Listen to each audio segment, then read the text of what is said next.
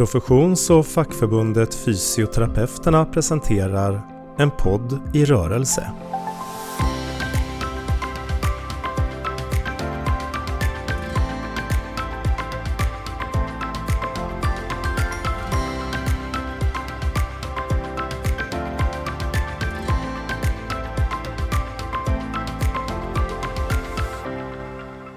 Idag så ska vi i en podd i rörelse prata, jag ska prata med en annan förbundsordförande, nämligen Heidi Stensmyren som är ordförande i Sveriges läkarförbund. Välkommen hit Heidi!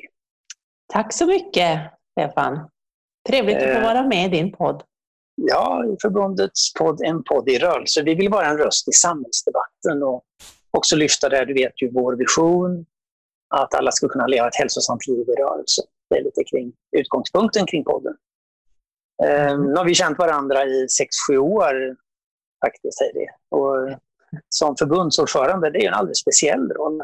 Man leder en rörelse. Och det gör vi båda två. Ja, det är en väldigt eh, speciell roll och vi har ju gjort det ihop också. Ja, det har vi gjort faktiskt. Väldigt mycket. Eh, vad tänker du kring det här att få representera sin profession? Ja, det är fantastiskt. Det är så stort att det går nästan inte att ta in vissa dagar. Eh, det är att få företräda en samhällsfunktion och få vara del av det.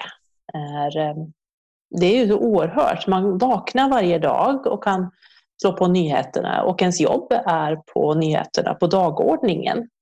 Eh, man går ut i samhället och eh, det spelar roll vad våra yrkesgrupper gör. Och eh, man avslutar dagen med att nyheterna sammanfattar ens arbete. Ehm, och det, ja, det spelar roll vad vi gör. Man kan påverka. Mm. Så det, det är väldigt, väldigt stort. Mm. Jag känner igen en del av det här. Även om vi är ett mindre förbund så är det ju själva stolthet, stoltheten man har för att också få företräda sina, att bli vald och att få företräda sin profession. Det, det är stort. Och Eh, nu tänker jag i de här tiderna som vi är nu i, covid-19-tider som är väldigt speciella. Ingen av oss har upplevt någonting liknande. Eh, och jag har förstått att eh, du har varit inne och jobbat kliniskt. Du är narkosläkare.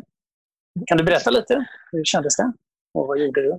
Ja, precis. Jo, när det här var på väg till Sverige och rullade in i Sverige får man säga så hörde jag mig till min arbetsplats eh, och eh, sa att ni får ringa när ni behöver mig. Eh, och så har jag jobbat på med många avtalsfrågor, ägnat mig åt försäkringsfrågor för mina medlemmar, arbetstider för medlemmarna och så vidare. Och så ringde min klinikchef en, en och, och, eller en schemaläggare kan man säga. Och, ropade in mig. Så då var jag på plats inom hälso och sjukvården och jag har då eh, orienterat mig på de här covid-patienterna och varit inne, lärt mig rutiner och eh, fått eh, hantera patienter. Och, det är en väldigt speciell eh, situation, eh, för det är ett väldigt speciellt läge. Det är inte så att det är lite eh, ett lugnt arbete, utan det är ett väldigt tungt arbete med covid-19 patienterna. Och jag har eh, varit inom intensivvården där eh, det handlar om liv och död och det är väldigt, väldigt tunga frågor. Eh, jag kände mig ringrostig. Och jag, samtidigt så satt en hel del saker i ryggmärgen också. Det som narkosläkare har med sig med och, intubationer och stick och tuber och tubstopp och ge mediciner och läkemedel. Allt det här akuta det sitter i ryggmärgen kände jag. Samtidigt så är det många maskiner som eh, jag behöver ehm, eh, lära mig helt enkelt. För flera maskiner har ju bytts ut under tiden som jag har varit förbundsordförande. Eh, och det är ingen liten teknik och ingen liten apparat och det är också livsavgörande. Så det var med viss bevan jag tog mig an vissa av de här apparaterna och fick be om hjälp. Eh, vilket eh, ja, var helt nödvändigt. Vad jag förvånades över var ju också det här teamarbetet som bara har ökat eh, under krisen, där vi eh, hjälps åt allihopa. Man, man gör så gott man kan. Eh, och samarbetar. Och, och det, det är väldigt bra i svensk hälso och sjukvård. Jag kan också säga att vi har en väldigt bra hälso och sjukvård i grunden. Och det är klart, det har ju Sverige igen för. Både att folkhälsan är eh, kanske den bättre i världen, så vi har en, en god hälsa i utgångspunkten. Och sen att vi har mycket kompetens inom hälso och sjukvård. Vi har också låg eh, antibiotikaresistens, det vill säga att eh, när våra patienter får sekundärinfektioner i lungorna nu, då har vi läkemedel som biter på det. Medan många länder, andra länder, Italien och Spanien inte minst, har då hög antibiotikaresistens och då är mycket mer sårbara och svårare att hantera de här eh, sekundärinfektionerna. Det där har det, det inte hört så mycket om i media, utan det är att man, man tittar på dödstalen och man tittar på den allmänna situationen, men just att Sverige har bättre för, förutsättningar från början med, med mm. de här bitarna. Det är också ganska viktigt att lyfta fram. Ja, och det är där det kommer in hälsan. Sverige har då en strategi om folkhälsa och det är Folkhälsomyndigheten som eh, ger råd som expertmyndighet och det är viktigt. För den här pandemin, visserligen handlar om covid-19, corona, men hälsan för befolkningen och de beslut vi ska fatta för Sverige, de ska ju bygga på hela hälsan, på hela befolkningen. Och det får man inte glömma bort. Och eh, både vår utgångspunkt för hur vi kommer att ta oss igenom, den beror på hur god folkhälsan är och hur vi ska göra, alltså våra mål med det här måste också vara en god hälsa för hela befolkningen som mål när vi fattar våra beslut om vad vi ska göra. Och det är ju så viktigt att komma ihåg. Mm. Och jag ska också lägga till en reflektion när vi har haft den här sociala distanseringen och eh, också uppmaningen till många att jobba hemifrån och social is isolation. Då får inte det bli passivitet. Absolut, det är mycket viktigt. Mm. Precis. För, för det, det funderar vi på ganska mycket, de här undanträngningseffekterna som, som vi ser redan nu och som kommer att bli mycket mer sen. Alla de personer som, som skulle ha opererats för sina höfter och knän eller de som haft en stroke eller andra hjärtrehabiliteringspatienter som inte alls får den tillgång till vård som de ska ha nu. Det, det, kan ligga kvar långt framåt. Ja, och vilka effekter får det om folk sitter hemma i passivitet för länge?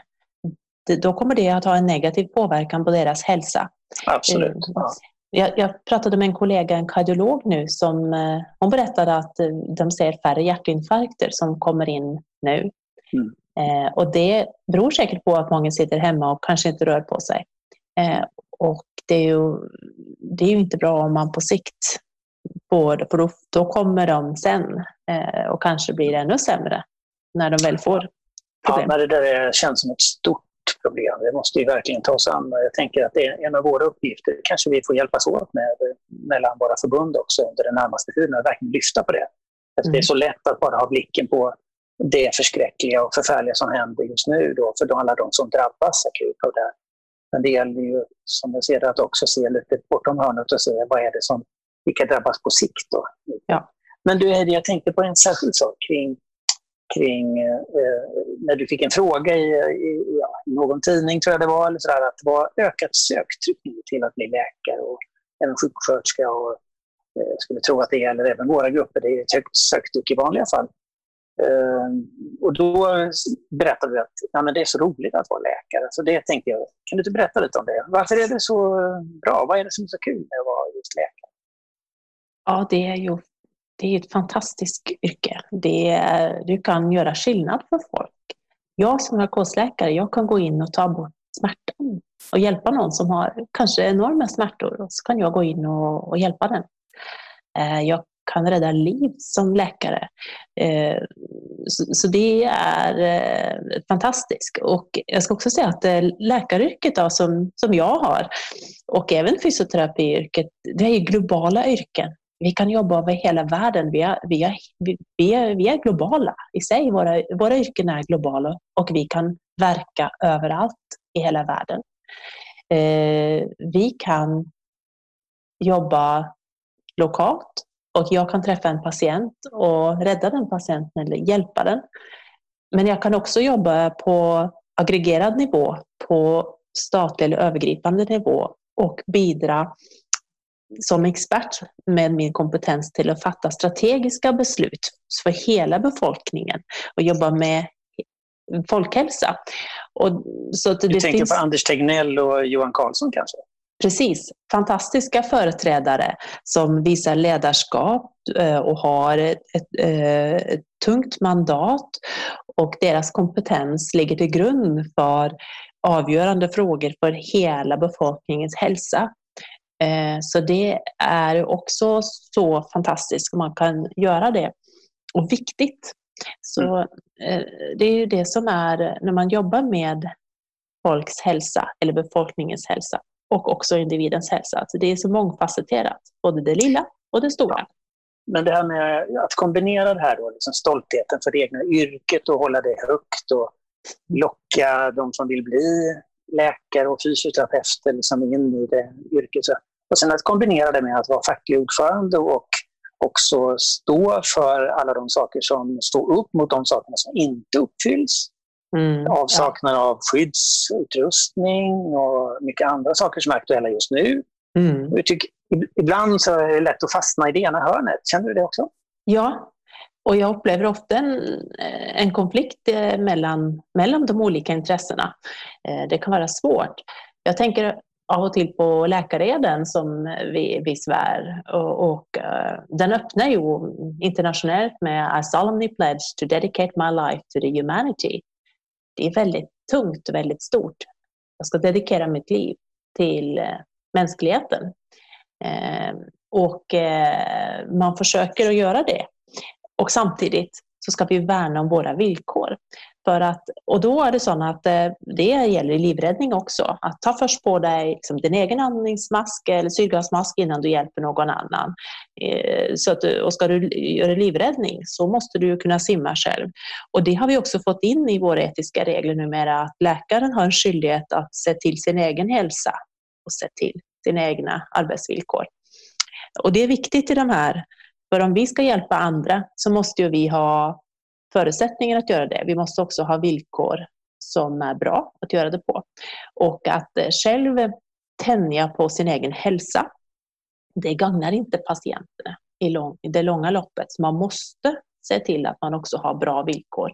Man får inte ställa dem emot varandra och säga att ja, men eh, läkare får jobba utan rimlig ersättning och villkor för att eh, välfärden ska eh, hålla ihop. Det, blir, det, blir, det är inte moraliskt rätt och det är inte rätt gentemot patienterna och eh, det är definitivt inte rätt gentemot yrkesutövarna. Så man ska kunna stå upp för att jobba för bra villkor samtidigt som man ska göra ett bra professionellt arbete. De hänger ihop. Det är, det är verkligen svårigheter att kombinera de här sakerna. Det är flera år sedan du och jag tillsammans tog initiativ till en, en studieresa som har kommit att betyda mycket för Eh, flera av oss. Eh, nämligen när vi åkte till en, en eh, internationell kvalitetskonferens i USA. Vi fick träffa jättemånga duktiga personer och framförallt så åkte vi tillsammans, en svensk delegation.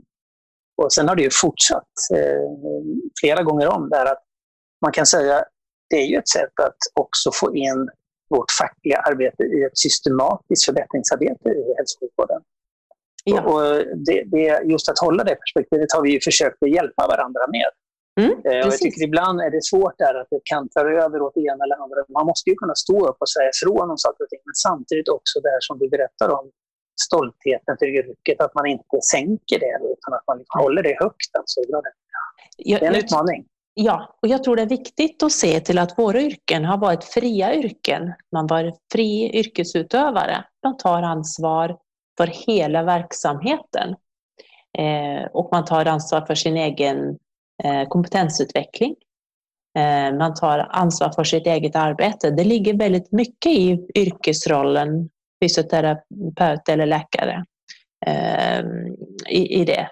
Yrkesstolthet att ta ansvar och, och hålla ribban högt. Inte bara i det enskilda mötet ha en hög kvalitet. Det är viktigt. Du, om man tänker sig då utifrån, eh, det finns mycket att, att prata om, men om man ska fokusera kring någonting kring det som vi är mitt i, då, den pandemin.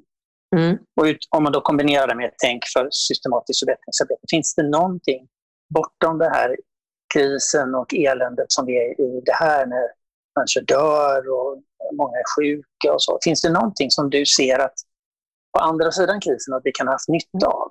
Krisen? Mm. Är det något vi kan, vad kan vi lära oss? Eh, jag tycker vi ska lära oss att vi, vi har inte råd att ha 21 hälso och sjukvårdssystem i Sverige eh, som alla ska ta ansvar för Sveriges samlade nationella beredskap. Eh, det är ett exempel. Eh, ett annat exempel är ju väntelistorna till olika åtgärder som blir väldigt olika i de här 21 olika. Utan vi måste dra slutsatsen att det behövs en nationell samling och det kan bara staten ta ett större statligt ansvar för vissa centrala funktioner i Sverige såsom beredskapslagren, läkemedelshållningen, eh, kanske tillgången till vissa tjänster såsom inom eh, primärvården. Inte att staten ska driva den, men att staten ska vara en, en upphandlare och kravställare eh, och sätta upp eh, systemen. Eh, och det gäller också för en rad olika upphandlingar exempelvis. Så det måste vi se bortanför det här.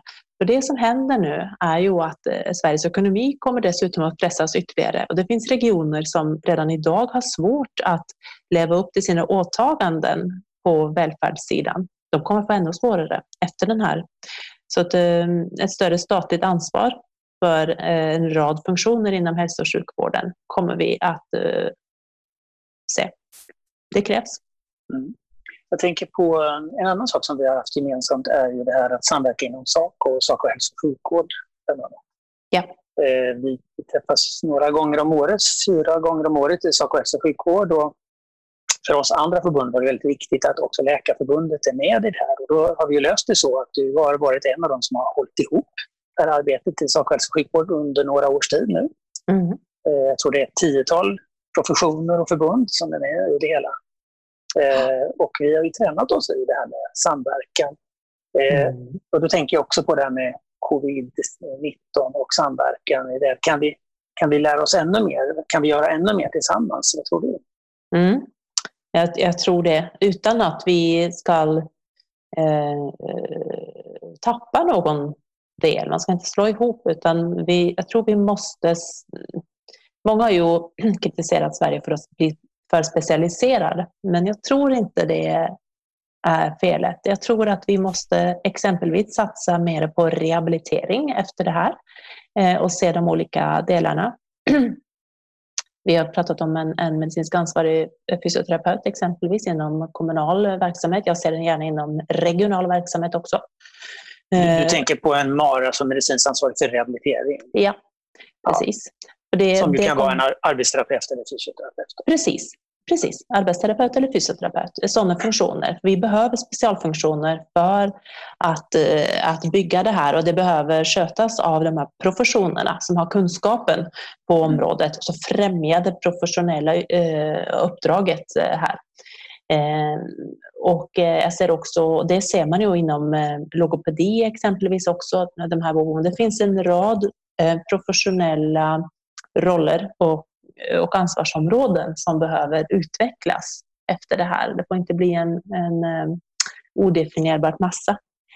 Så det ser jag. Och jag ser också där att staten kan vara en bättre beställare eh, och direkt gentemot yrkesutövarna. Och eh, så att eh, yrkesutövare kan arbeta under olika former. De kan vara etablerade som egenföretagare eller anställda eller verksamma inom statlig verksamhet exempelvis.